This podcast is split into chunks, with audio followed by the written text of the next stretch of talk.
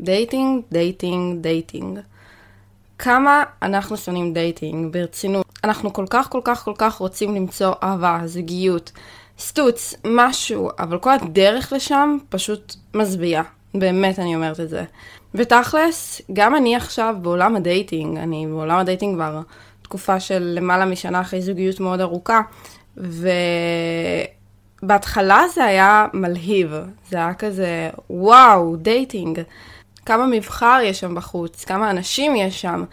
בא לי להכיר, בא לי לראות, בא לי לצאת לדייטים, ועכשיו אני פשוט אומרת לעצמי, אין לי כוח. אין לי כוח להתארגן ולצאת לדייט שהוא סתם יעצבן אותי, וסתם יבזבז לי את הזמן, ואנחנו ננסה לפחות לעזור קצת לדייטים, אז בואו נתחיל פשוט. איך? אנחנו ממשיכים את הפרק הזה בעצם מהפרק של תחליקו ימינה. אז אם לא הקשבתם לו, זה הזמן ללכת להקשיב לו. כי אנחנו עכשיו הולכים לכיוון ה dating, וה dating מגיע בדרך כלל אחרי האפליקציות. אבל גם אם אתם אנשים שלא מכירים אנשים באפליקציות, זה הזמן שלכם לשמוע קצת על dating. אנחנו בעצם הולכים לחלק את כל הפרק הזה לשלושה חלקים עיקריים. יש לנו את לפני הדייט, יש לנו את הדייט ויש לנו אחרי הדייט. אז כמובן, ממה אנחנו מתחילים? נכון מאוד, לפני הדייט. והדבר הראשון שאני רוצה שנדבר עליו הוא אני, החיפוש העצמי של כל אחד מאיתנו. אני חושבת שמהניסיון שלנו, כל אחד יכול להבין מה הוא רוצה, מה הוא לא רוצה. אז זה מאוד חשוב להיות מדויקים בחיפוש שלכם. מה אני רוצה? לאיזה מטרה אני מתחיל לצאת? אני רוצה זוגיות, אני רוצה סטוץ, אני רוצה חתונה, אני רוצה עכשיו משפחה. אני סתם רוצה לצאת ולהכיר, ואולי בדרך להכיר חברים חדשים, זה גם בסדר, אבל תבינו עם עצמכם מה אתם מחפשים. יותר ממה המטרה שלכם, גם מה אתם מחפשים באותו בן אדם, על מה הייתם פוסלים אותו. מהו deal breaker מבחינתכם, ומה לא deal breaker. זאת אומרת שאני נגיד לא אהיה מוכנה לצאת עם בן אדם שהוא שומר שבת כי אני חילונית לצורך הדוגמה. ואני חושבת שזה לא יתאים את העקרונות אחד של השנייה. אז זה deal breaker מבחינתי, אבל מה ה deal breakers שלכם? דבר הבא שאנחנו נחשוב עליו הוא מה אני חושב על עצמי ומה אני שווה, אוקיי? איך אנשים רואים אותי מבחוץ, אבל איך אני רואה את עצמי. זאת אומרת שבן אדם אחד יכול לראות אותי אולי כאילו אני עצלן, אבל בסופו של דבר אני לא עצלן, אני יודע שכשיגיע הרגע הנכון, אני אעשה הכל, כי אני מתעסק רק בדברים שחשובים לי. אז להכיר את עצמך, זה כל כך כל כך חשוב לפני dating, להבין מה אתה שווה, מה מגיע לי, מה לא מגיע לי. לבוא ולהגיד, מגיע לי מישהו שיאהב אותי, מגיע לי מישהו שירצה אותי, מגיע לי מישהו שאכפת לו ממני. זה דברים כל כך טריוויאליים, אבל כל כך המון אנשים לא מרגישים שמגיע להם את הדברים האלה. אז שבו עם עצמכם, תעשו עם עצמכם את הסיעור מוחין הזה. תבינו מה אתם רוצים מעצמכם, מהזוגיות, מהחיפוש הזה, מה dating הזה, וזה כבר ייתן לכם איזושהי התחלה הרבה הרבה יותר טובה לעולם ה dating. ככה אתם גם לא תגיעו למצב שאתם שמים לעצמכם רגליים. האמת שזה קרה לי, לא אני שמתי רגליים לעצמי, אבל אני כן מרגישה שגברים שיצאתי איתם יצא להם לשים רגליים לעצמם. למהלך הקשר שלנו. וזה חבל, זה מבאס, אבל זה בעיקר עצוב לדעתי, כי אין סיבה שתשימו רגליים לעצמכם. תזרמו, אמרתי לכם, מקסימום תתאהבו. יש לי טריק שאני מאוד מאוד מאוד אוהבת, אמ, שאני עושה לפני הדייט בעצם.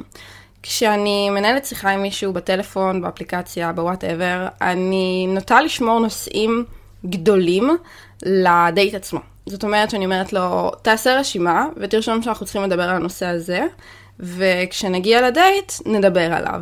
למה? כי אחד, זה נושא ארוך, לא תמיד יש לך כוח לכתוב אותו. שתיים, יכול להיות שזה נושא קצת יותר כבד, ובא לך לספר אותו פנים מול פנים. שלוש, זה בעיקר משאיר לנו נושאי שיחה לדייט. זאת אומרת שאם יש לכם איזשהו חשש שאתם בחרדות בדייט, ואתם לא מצליחים לבטא את עצמכם כמו שצריך, זה הפתרון המושלם. כי יש לכם בעצם רשימת נושאים שאתם עוברים עליה, ואתם גם עושים מזה סוג של משחק, זה כזה... אוקיי, בסדר, סיימנו לדבר על הנושא הזה, בואי נעבור לנושא הבא.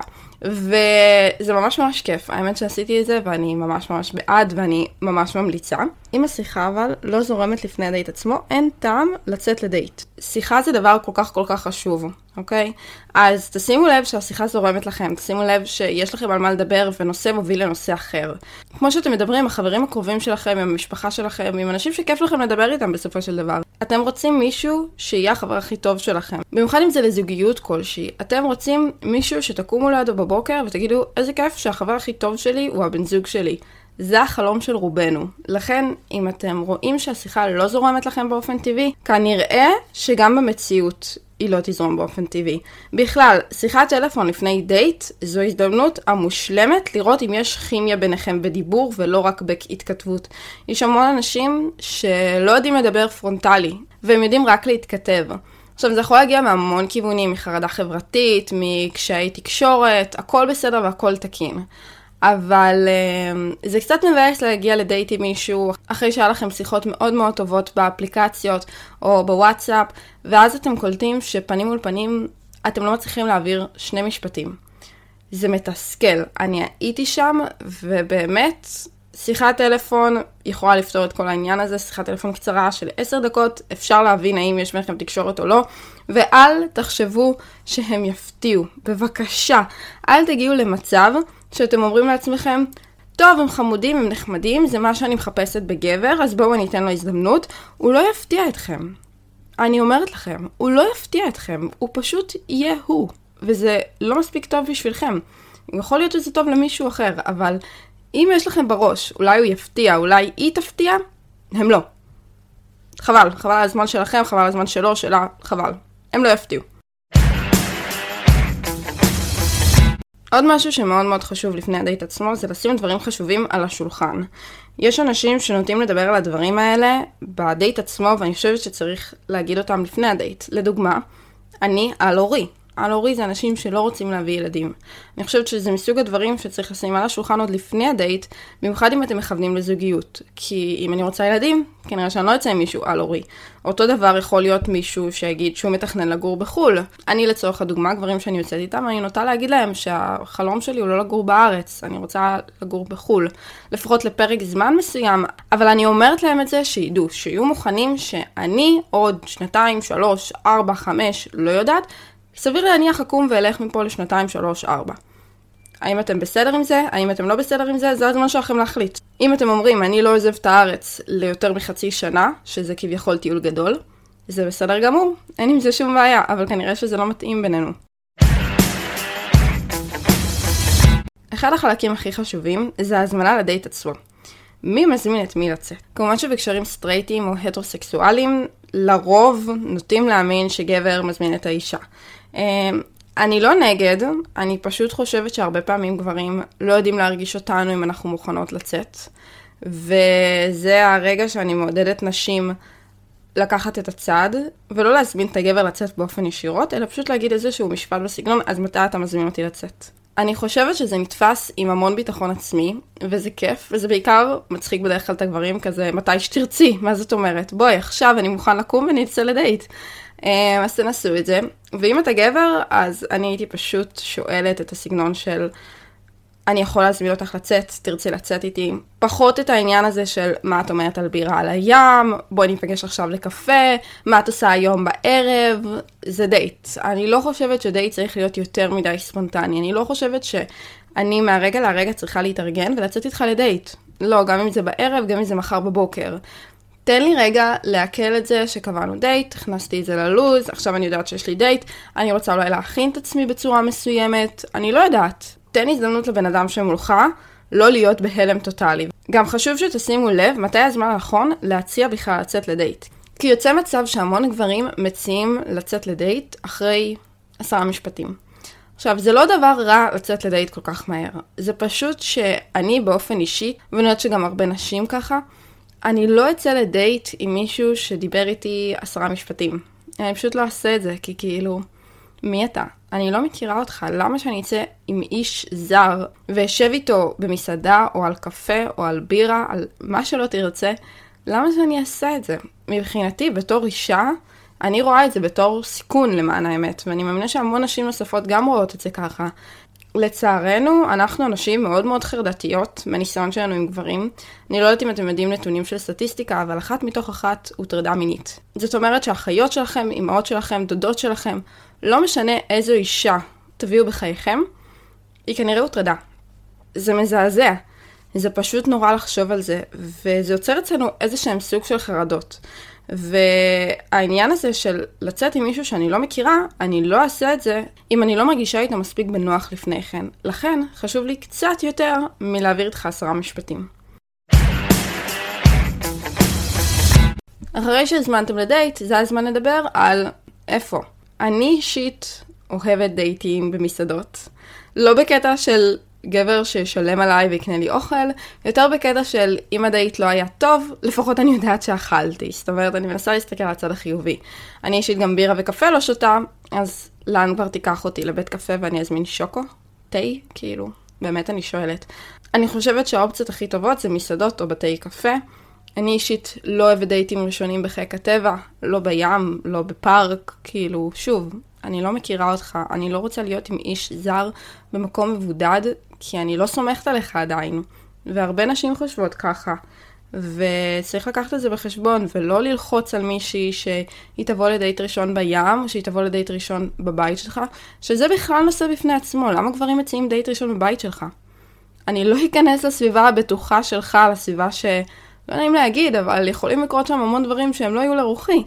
אני לא אעשה את זה, וכדאי שתשימו לב גם האם אתם מציעים את הדברים האלה, כי יש פה משהו לא תקין שאתם בכלל חושבים שזה בסדר להציע לבחורה דייט ראשון בבית שלכם. יש הבדל בין בואי נשב על כוס בירה בבר ציבורי, לבין בואי נשב בבית שלי ואני אביא לנו יין וסושי.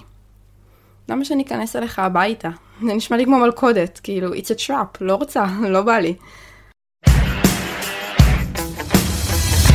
עכשיו, גברים, אם אתם רוצים משהו שבאמת יכול לכבוש נשים, זה טיפ מאוד מאוד טוב ותזכרו אותו כי הוא מאוד מאוד פשוט. אחרי שאתם בוחרים מקום מפגש, תזמינו מקום. זה מאוד מאוד פשוט. אם זו איזושהי מסעדה, תתקשרו ותוודאו שאפשר להזמין מקום. ואם אי אפשר להזמין מקום, תשאלו אותה אם היא תרצה להחליף מקום ותגידו שרציתם להזמין מקום, אבל אין. עכשיו אתם בטח שואלים, למה זה כל כך חשוב? אחד, זה מראה על מחויבות. זאת אומרת, אני כל כך רוצה לצאת איתך לדייט, שאני רוצה לוודא שיהיה לנו מקום כדי שלא נמתין בחוץ ונוכל ישר להתחיל את הדייט שלנו. וזה בעיקר ממש ממש ג'נטלמני. פשוט תזמינו מקום כל כך כל כך פשוט ונותן לכם נקודות אצל האישה. מה אכפת לכם? לכו על זה. והדבר הבא שאנחנו נדבר עליו זה עניין הטרמפ. אני כן חושבת שאם יש לך רכב ויש לך איך להסיע את הבחורה, תשאל אותה אם היא צריכה טרמפ. סביר להניח מהניסיון שלי שהיא תגיד לא ושהיא תגיע עצמאית. גם, שוב, הפחד הזה שדיברנו עליו מקודם. אמ, ובכל זאת, זה ג'נטלמני, תשאל אותה אם היא תרצה שאתה תאסוף אותה. ואם אין לה איך להגיע, למען האמת, אם יש לך אפשרות, שוב, זה הכל כבר עניין, זה כבר עניין כלכלי, אבל אם יש לך אפשרות להציע לה אה, מונית, שפשוט תדאג לה שהיא תגיע, זה ממש ממש ג'נטלמני ומנומס. אני יודעת שפשוט בארצות הברית עושים את זה עם Uber, אבל לנו אין Uber. אז אם אתה יכול בכל זאת איכשהו לארגן לה הסעה שהיא בעצם מונית או משהו כזה, ויש לך את היכולת לעשות את זה, אז לך על זה. אמ, כל זה בהנחה שאתה באמת מחבב אותה ואתה לא סתם יוצא איתה לדייט כי אמרת אולי תפתיע, אבל אם אתה באמת מחבב אותה ואתה יכול לעשות את האקסטרה מייל הזה, אז לגמרי תעשה את זה, תאמינו לי, יהיה לכם נקודות אצל אנשים, אתם לא מבינים אפילו כמה. ולזכור, אוקיי? בכל קשר יש סיכון ויש פחד. אל תפחדו ללכת לדייטים, אל תפחדו להכיר, אל תפחדו להתחיל לצאת עם אנשים. אתם חייבים לתת לזה הזדמנות, אחרת אתם תמיד תגיעו למחשבה הזאת של what if. מה אם לא הייתי יוצא איתה לדייט? מה אם הייתי יוצא איתה? ואולי כן היינו מצליחים להסתדר, וכן היינו מתאהבים או משהו כזה. אז תנו הזדמנות לדברים האלו, לדייטים, לאנשים באופן כללי. וזה מגיע ממני ואני מיזנטרופית, אז uh, לגמרי תנו הזדמנות לאנשים. לכו, תצאו, תכירו, תהנו, מקסימום תתאהבו. בואו נעבור לחלק הבא, שהוא הדייט עצמו. על מה לא לדבר. נושאים כבדים, נושאים מעציבים, וגם אם אתם נכנסים לנושאים כאלה, אתם חייבים לדעת לצאת מהם מהר. אקסים, מה נסגר איתכם? למה אנחנו מדברים על אקסים בדייטים? זה משום מה קורה אוטומטית הרבה פעמים. אני חייבת להסתייג בעניין הזה ולהגיד, אלא אם כן יש פה משהו רציני וחשוב, לדוגמה, לא יודעת, הייתי נשוי והתגרשתי, הייתי בזוגיות מאוד ארוכה. המון אנשים חשוב להם לדעת מתי הייתה הזוגיות האחרונה שלכם, ויותר מזה, למה היא נגמרה. אם הגעתם למצב שאתם בזוגיות של 7 שנים עם בן אדם, בגילאי ה-20, 7 שנים עם בן אדם, זה כבר חתונה. למה הזוגיות הזאת נגמרה? למה? כנראה שיש סיבה מאוד מוצדקת למה היא נגמרה. והאדם שמולכם, מעבר לסקרנות שלו של בן אדם טבעי, הוא רוצה לדעת למה היא נגמרה, כי הוא רוצה לדעת כנראה עם מה יש לו להתמודד, ויותר מזה, האם יש איזושהי טעות שהוא צריך לשים לב שהוא לא עושה, כדי לתת לך הזדמנות שווה. אז אני חושבת שזו ההסתייגות שלי בעניין, אבל לא לדבר על אקסים, והאקסית שלי היינו עושים ככה, והאקס שלי היינו הולכים לפה, והייתי עושה את זה עם האקס, באמת, פשוט תקראו לו חבר או חברה. עדיף. פטישים, דברים מיניים, דברים שלא מעלים לדייט הראשון, אוקיי? אולי השלישי רביעי. לא לדייט הראשון זה בטוח. על מה לדבר? חוויות מהחיים, חלומות, מטרות, מה קרה לנו אתמול, לפני שבוע או אפילו היום, סיפורים מצחיקים, את הרשימה שהכנו לפני הדייט. פשוט לדבר על החיים. כאילו אתה מדבר עם חבר או חברה ותזרמו ותשאלו שאלות ותתעניינו ותספרו סיפורים משלכם. ואם אתם רואים שמי שיושב מולכם קצת נתקע והוא לא מסוגל לנהל את השיחה כי הוא לחוץ, מובך, וואטאבר, תנסו לעזור לו. תנסו לשאול שאלות שהוא יצטרך לענות עליהן. וזה לא צריך להיות שאלות קשות. זה צריך להיות שאלות בסגנון של אם אתה לומד עכשיו חינוך, אוקיי, מגניב, אז אתה מתכנן להיות מורה בעתיד? משהו שיגרום לו פשוט לדבר על הדברים שמשמחים אותו, על התשוקות שלו, או קצת לשחרר אותו, שהוא ירגיש יותר בטוח עם הנושא הזה. היה לי עוד דייט בתקופת הקורונה, שוואי, אם אתה שומע את זה, אלוהים יעזור לי. היה לי עוד דייט בתקופת הקורונה. בתקופת הקורונה לא היו מסעדות, לא היה כלום. ואם היית רוצה לצאת לדייט, היית חייב לצאת לבחוץ, ל- לרחוב, לא היה לך איפה לצאת. בקיצור, קבענו ליד איזושהי מסעדה, קבענו לקחת אוכל בטקאווי ולצאת. לקחנו את האוכל שלנו, קודם כל, הוא שילם על עצמו בטן ביס. עכשיו, הייטקיסטים, זה מאוד כיף שיש לכם טן ביס, זה מאוד כיף שיש לכם סיבוס. ובכל זאת, אתם נראים כל כך כל כך כל כך קמצנים שאתם אומרים בדייט, האם אתם מקבלים טן ביס או סיבוס? אז um, לא, ממש ממש ממש לא. תשלמו בכסף שלכם. אל תשלמו בטן ביס או סיבוס בדייט, תעשו לי טובה.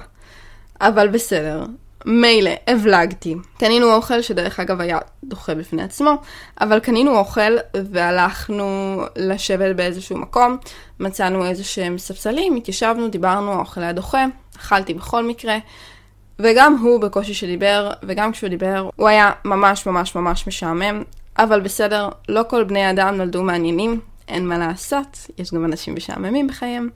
אבל um, בכל מקרה, ישבתי והקשבתי והיה משעמם, והחלטנו לעשות סיבוב, ובשלב מסוים התחיל לרדת גשם, כי היה קורונה והיה חורף.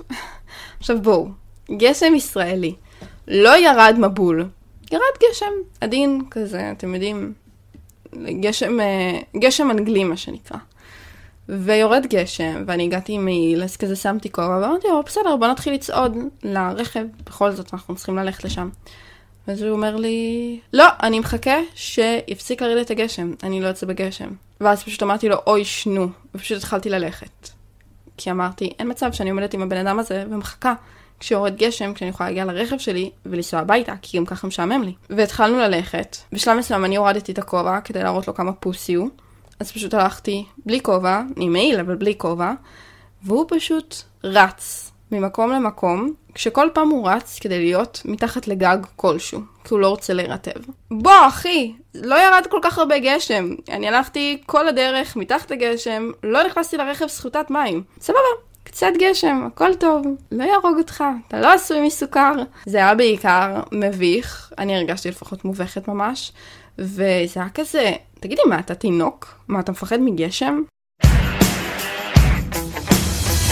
לבוש בדייט. בבקשה, תתלבשו בצורה מכובדת. אתם יוצאים לדייט להכיר מישהו. גברים, אני לא חושבת שלדייט אתם צריכים לבוא עם כפכפים או עם מכנס קצר. נשים, גם אתן, אני לא חושבת שאתן צריכות לבוא עם כפכפים או מכנס קצר. אני לא אומרת לכם לשים שמלה, לא אומרת לכם לשים עקבים, אני לא אומרת לכם לשים חליפה גברים. ג'ינס וטי-שירט לגברים עם נעל סגורה, ולנשים, פשוט, אפילו אם אתן שמות מכנס ארוך, פשוט שיראה מכובד, כי אתן יושבות להכיר מישהו. זה לא שאני חושבת שמכנס קצר זה זול, אני פשוט חושבת שזה לא מכבד את העניין הזה של לצאת לדייט, כי בסופו של דבר באתם להכיר מישהו, ולפחות ככה אני מאמינה שבאתם להכיר מישהו, ואני חושבת שאתם צריכים לכבד גם אותו שהשקיע את הזמן, או גם אותה שהשקיעה את הזמן ובאה, ואני חושבת על זה סוג של כמו פגישה עסקית לכל דבר. באת, התארגנת, אנחנו סוג של הולכים לבחון אחד את השנייה, למה שאני לא אבוא בצורה שהיא מיטבית עבורי? למה שאני לא אבוא כוסית לצורך העניין, כדי שאתה תהיה מאופנת ממני ותגיד, וואו, איזה יפה היא, גם יפה וגם חכמה? זה כיף לי. אז פשוט תשקיעו בביגוד, זה לא כזה קשה, לא צריך להגזים, פשוט צריך לבוא בלבוש מכובד. כמו שלא הייתם הולכים לראיון עבודה עם כפכפים ומכנס קצר, אין שום סיבה שתלכו לדייט ראשון, שזה סוג של ראיון עבודה בסופו של דבר, עם מכנס קצר וכפכפים. גם גברים וגם נשים. פשוט תתלבשו בצורה מכובדת. לא צריך להגזים, רק לבוא מכובד. אחד הדייטים הכי מביכים שהיו לי, היה דייט עם מישהו שהיה נראה ממש טוב, ולצערי הוא לבש נעלי, ולצערי הוא לבש נעלי ספורט ומכנס ספורט. עכשיו, אחד זה עצוב, כי אתה נראה טוב, אז למה? למה שתעשה את זה לעצמך? אבל בסדר, הבלגתי, למרות שבאתי מושקע, הבלגתי. והתחלנו לצעוד מהרכב שלנו לכיוון המסעדה, וזו לא הייתה הליכה כל כך ארוכה, כאילו זו הייתה הליכה של עשר דקות, ואתם יודעים, הולכים, מדברים, מפטפטים. ו... לא נעים להגיד, הצורת הליכה שלו הייתה נוראית, לא יכולתי לסבול את זה, אבל בואו נשים את זה רגע בצד. בשלב מסוים, כשהגענו לצומת מרכזית, הוא הרגיש צורך לעמוד ולהצביע על אזורים ולהסביר לי איפה אנחנו גיאוגרפית. עכשיו, אני למדתי גיאוגרפיה בתיכון. יש לי מגמת גיאוגרפיה. האם באמת עניין אותי לדעת את הצומת הזאתי ואיפה אנחנו ביחס לגבעתיים, רמת גן, תל אביב? האם באמת זה עניין אותי? לא. ולמה שתעשה את זה באמצע הרחוב, בצומת מרכזית, כשיש מלא מלא אנשים שעוברים מסביבנו, ואתה עומד ואתה ליטרלי מצביע. אתה לא כאילו מסובב אותי ואומר לי, את רואה, פה זה ככה, פה זה ככה, פה זה... אתה מצביע, יש לך את זה ביותר מביך? אני באמת מנסה להבין. מה, אתה רוצה שכל התשומת לב תבוא לדייט הראשון והגרוע שלנו? אני באמת מנסה להבין. ומעבר לזה היה דייט לא כזה מוצלח, הוא לא דיבר יותר מדי, אני ניסיתי לחפור לו. אני באמת חושבת שכל דייט לא מוצלח אצלי, איכשהו נגמר בזיון שכל שלי. ובגלל שהיה לי כל כך משנה, פשוט לא הפסקתי לזיין לו את השכל ולדבר איתו על כל דבר שרק יכולתי לחשוב עליו כדי להעביר את הזמן. אז uh, כן, אני לא ממליצה לעשות את זה, ואני לא ממליצה לבוא ולהסביר לבן אדם איפה אתם נמצאים כרגע, אם הוא לא שאל. לא עניין אותי איפה גבעתיים, רמת גן, תל אביב בזה הרגע, עניין אותי האוכל. אני לא אשקר. לשים לב שאתם לא שואלים דברים כמו בראיון עבודה. העניין הזה של, רגע, אז אתה הולך להיות מורה בעתיד, זה עדיף מלהגיד מה אתה מתכנן להיות בעתיד. כי זה סוג של אחד מראה הקשבה, שתיים זה שאלה עקיפה ולא שאלה ישירה. שימו לב שאומנם כל דייט ראשון הוא סוג של ריאיון עבודה, כי אנחנו רוצים להבין מי יושב מולנו, תשתדלו שלא. תשתדלו שאת השאלות של ריאיון עבודה, את העבודה, לימודים, לא יודעת, אמ, קשרים, יש דברים מסוימים שאפשר לסגור עוד לפני הדייט, ובדייט פשוט לבוא ולדבר ולצחוק וליהנות. תשתדלו לא להביא את הדברים האלו לדייט. ואל תשכחו את החיפוש העצמי הזה של מה אני רוצה לשדר בדייט עצמו. אני אישית אוהבת לשדר סרקזם, אני אוהבת לשדר את הביטחון העצמי שלי, את הרצינות שלי, הומור. מה אתם רוצים לשדר? אתם רוצים לשדר שאתם אה, חברותיים, שאתם מצחיקים, שאתם מצליחים, שלא יודעת, מה אתם רוצים לשדר? תחשבו על זה. ואיך אתם הולכים לשדר את זה? איך לדעת אם אישה מעוניינת? אין באמת דרך לדעת איך מי שעומד מולך מעוניין או לא, פשוט אין. הוא או היא יכולים להיות שחקנים ממש ממש טובים, ופשוט להיות נחמדים, אבל זה עדיין לא אומר שהם יהיו מעוניינים. אז אין לכם בכלל דרך לדעת אם הם מעוניינים, אם לא שאלתם אותם. ואני לא מציעה לשאול את זה בדייט הראשון, אני מציעה לשאול את זה אחרי הדייט, ואנחנו נגיע לרגע הזה גם כן, אבל אל תבואו לבן אדם ותגידו לו, אז מה חשבת? והיו לי גברים שאמרו את זה, אז מה את חושבת עליי? אתה באמת רוצה שאני אפתח את הפה שלי כאן ועכשיו, מולך, ואגיד לך מה אני חושבת עליך, את כל הדברים, גם את האמת הקשה, זה מה שאתה רוצה לדעת? כאילו, באמת אני שואלת. אבל אמ, כן, אל תשאלו את השאלה הזאת, בטח שלא פרונטלי, אני חושבת שאתם יכולים לקבל תשובות מאוד מאוד מעליבות, ופשוט תיקחו בחשבון שהבן אדם אולי לא מעוניין. מתי אפשר ליזום מגע? אני לא הייתי יוזמת בתור גבר אף פעם. אני פשוט יודעת כמה בנות חרדתיות, ואני פשוט יודעת כמה בנות מלאות בטראומות, וזה פשוט נראה לי מאוד מסוכן. אז הייתי מחכה פשוט שהאישה תיזום, ואני מודדת שוב נשים לקחת יזמה בעצמן, ליזום מגע כלשהו. מגע לא צריך להיות לגעת באיבר, כן? מגע יכול להיות ליטוף של היד, הכל תקין, הכל בסדר.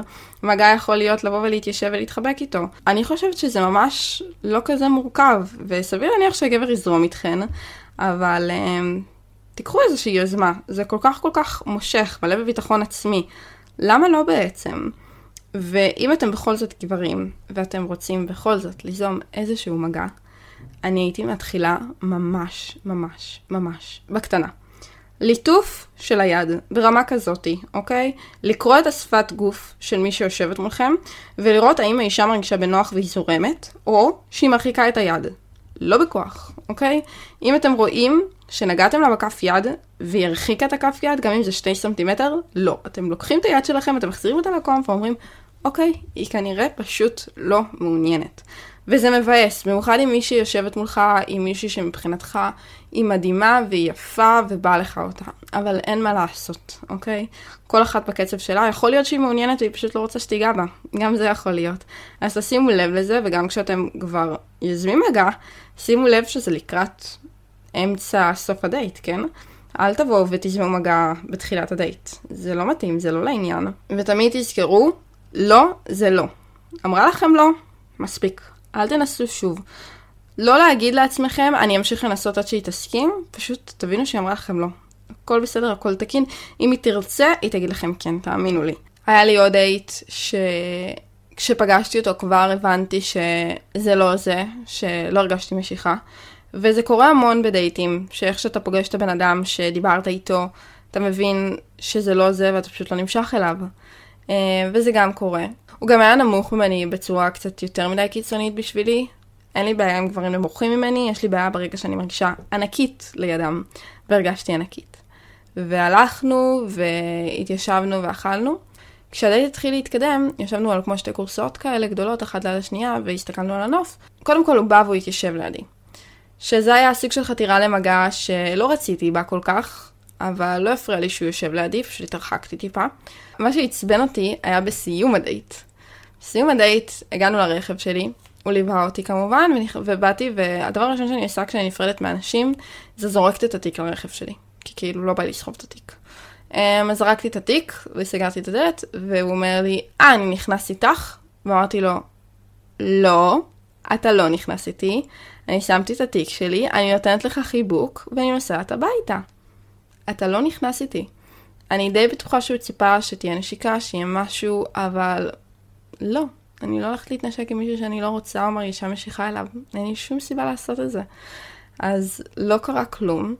ואחר כך המשכנו לדבר כי הוא אמר לי שהוא רוצה שנהיה ידידים, ואין לי בעיה להיות ידידה של גברים, באמת שאין לי בעיה, לפעמים יש אחלה קשר, פשוט אין שום משיכה וזה גם בסדר.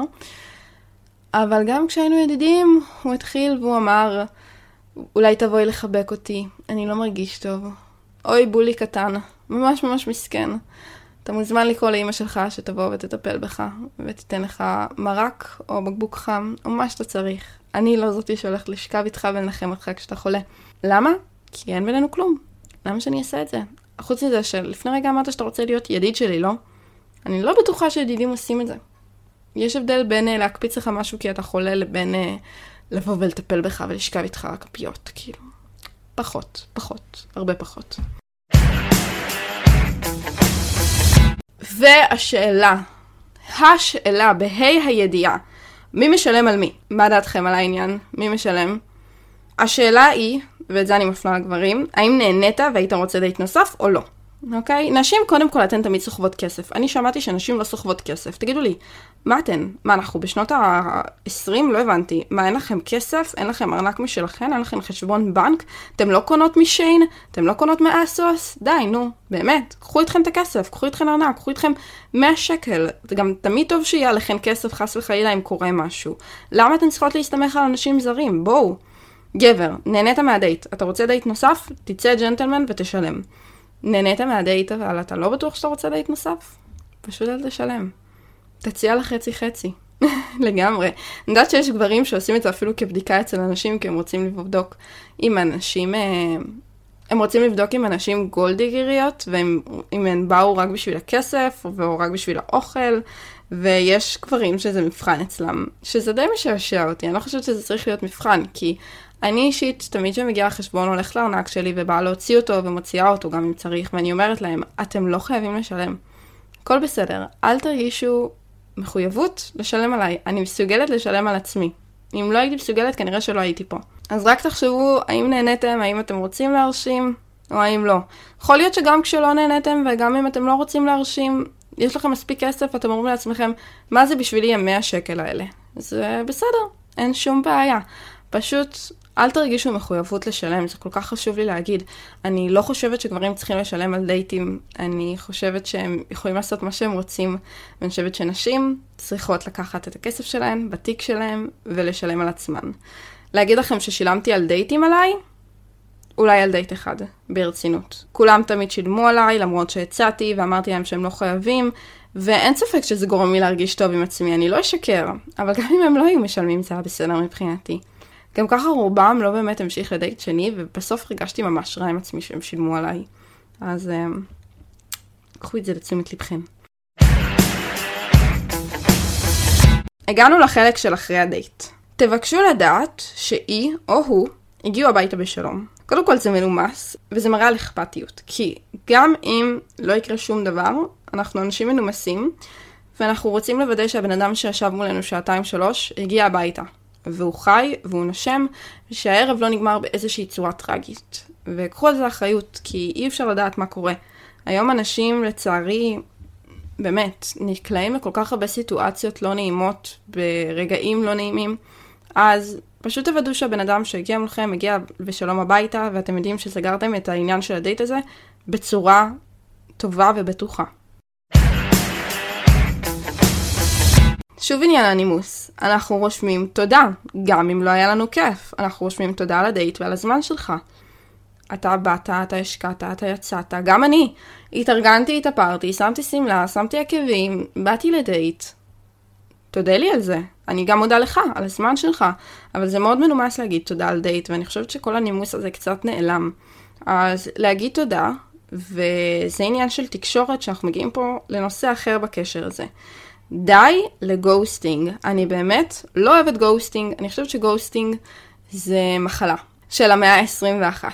Um, אני לא אוהבת את זה שאנשים יוצאים לדייטים ואז הם לא שולחים הודעה, או שהם לא אומרים משהו, ואני לא אשקר, אני לא מהצד הזה שבדרך כלל לא שלחו לו הודעה. אבל אני יכולה רק לדמיין כמה זה כואב, שיצאת לדייט עם מישהו עם מישהי ואפילו לשלוח לך הודעה, הם לא עשו את זה. אז אלא אם כן הדייט היה ממש ממש ממש ממש רע, ושניכם פשוט מכחישים את הדייט הזה, וזה קרה לי, אני לא אשקר, פשוט תשלחו הודעה, היי, אתה ממש מקסים, נהניתי איתך בדייט, אני מרגישה שזה לא זה, וחבל לי לבזבז את הזמן של שנינו. בהצלחה. נימוס בסיסי, זה כל כך פשוט. ואם הגבר slash האישה נעלבו מזה, נפגעו מזה בצורה מסוימת, אתם פשוט יודעים שאין בהם את הבגרות הזאת שאתם רוצים בשביל שהם יהיו הבני או בנות זוג שלכם. פשוט וקל, זה אחלה גם סינון. החלק הנורא הוא שהרבה פעמים דייטים לא מוצלחים, צד אחד חושב או מרגיש שהדייט כן היה מוצלח. וזה מצב מאוד מאוד לא נעים, כי אתה אומר לעצמך, אבל הדייט לא היה מוצלח. אתה לא הרגשת שהדייט לא היה מוצלח? אתה לא הרגשת שלא דיברנו על כלום? היה לי דייט שדיברנו על שני נושאים. כל הדייט על שני נושאים. לא הצלחנו לעבור לשום נושא אחר, כי כל נושא אחר לא הצליח להתפתח שיחה. אז יצא מצב שכל הדייט אנחנו מזיינים את השכל על שני נושאים שגם הם, כבר כמה אפשר לחפור על שני נושאים, והוא פשוט היה בהלם שבסוף הדייט נתתי לו חיבוק וברחתי לחניון. מה היית בהלם? זה היה דייט נורא. למה אתה לא הרגשת שזה היה דייט נורא? למה אתה נהנית מזה שדיברנו על שני נושאים, כל הדייט, לא הצלחנו להעביר נושא, לא דיברנו על עוד דברים. למה? זה לא נראה לך חריג? אתה לא שם לב שאין לנו מספיק נושאי שיחה? אתה לא שם לב שזה כבר משעמם, כי כמה אפשר לדבר? יכול להיות ששני הנושאים האלו מרתקים אותך ואתה מסוגל לדבר עליהם שעות. אני אישית איבדתי את זה. וזה זמן לבוא ולהגיד על עניין הפידבק. אם מישהו או מישהי כתבו לכם שהם לא הרגישו שזה זה, אם יש משהו שלמדתי, זה שאפשר לבקש פידבק על העניין הזה. האם זה עניין המשיכה שזה בסדר, זה תקין. אנחנו לא חייבים להימשך פנים מול פנים.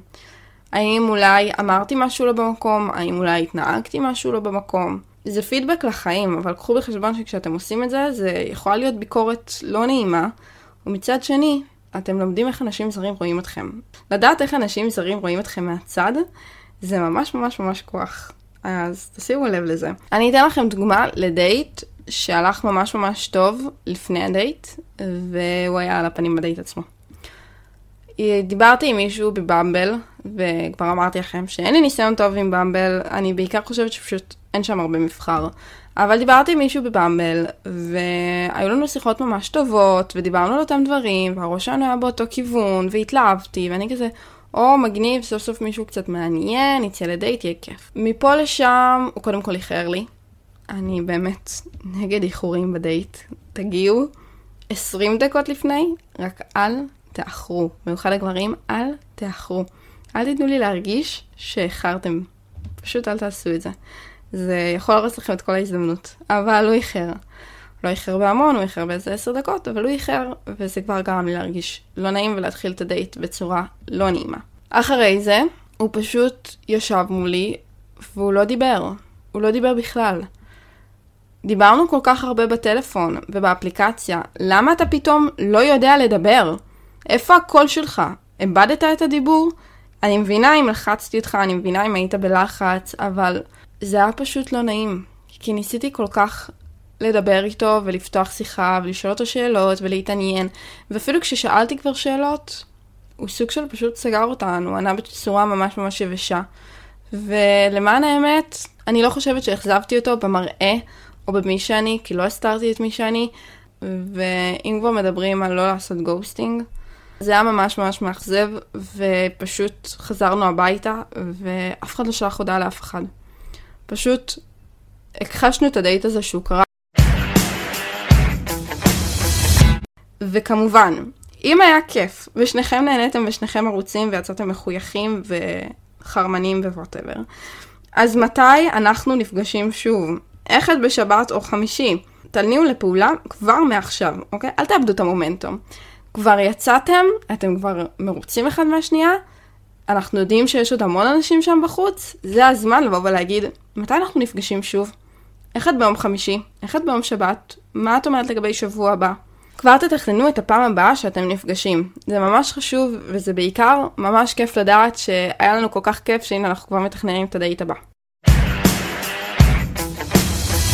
אז אני מחכה לשמוע מה אתם חושבים על סיפורי דייטים הזויים שהיו לכם, אני ממש ממש אשמח לשמוע. אמ, אם אתם רוצים לעקוב אחריי, האינסטגרם שלי הוא דרימי רוני, זה D כמו דלת, R כמו רוני, E כמו אלפנט, A כמו אבא, M כמו mother, Y כמו yellow, ורוני, R-O-N-I. אתם מוזמנים לעקוב אחריי, אתם מוזמנים להגיד לי אם אתם מסכימים איתי, לא מסכימים איתי, האם יש פה דברים חשובים בדייטים שלא ציינו. אולי נעשה פרק המשך עם דברים חשובים נוספים. אמ, וזהו, אני אשמח לשמוע אתכם. עד הפעם הבאה.